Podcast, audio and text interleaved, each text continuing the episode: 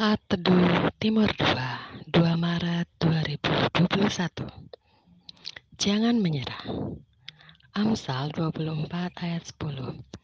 Jika engkau tawar hati pada masa kesesakan, kecilah kekuatanmu. Godaan untuk menyerah biasanya menghampiri saat kita sedang berada dalam masa kesesakan. Orang yang menyerah tidak memiliki kekuatan yang cukup dalam dirinya. Kondisi tawar hati biasanya disertai dengan perkataan yang putus asa atau ada niat spontan untuk mundur.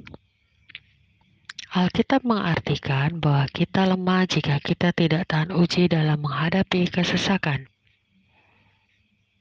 Jangan menyerah saudaraku jika ada anggota Bleskom yang saudara pimpin tiba-tiba menghilang tanpa sebab atau kabar.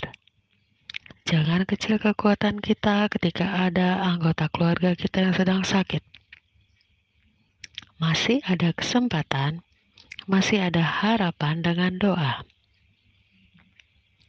Berjuang lagi dengan kekuatan yang Tuhan berikan, karena masih ada harapan bagi orang yang takut dan hormat akan Tuhan.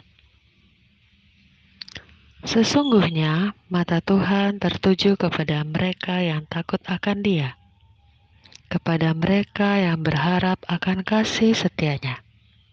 Mazmur 33 ayat 18 Selamat menjalankan aktivitas. Tuhan Yesus memberkati.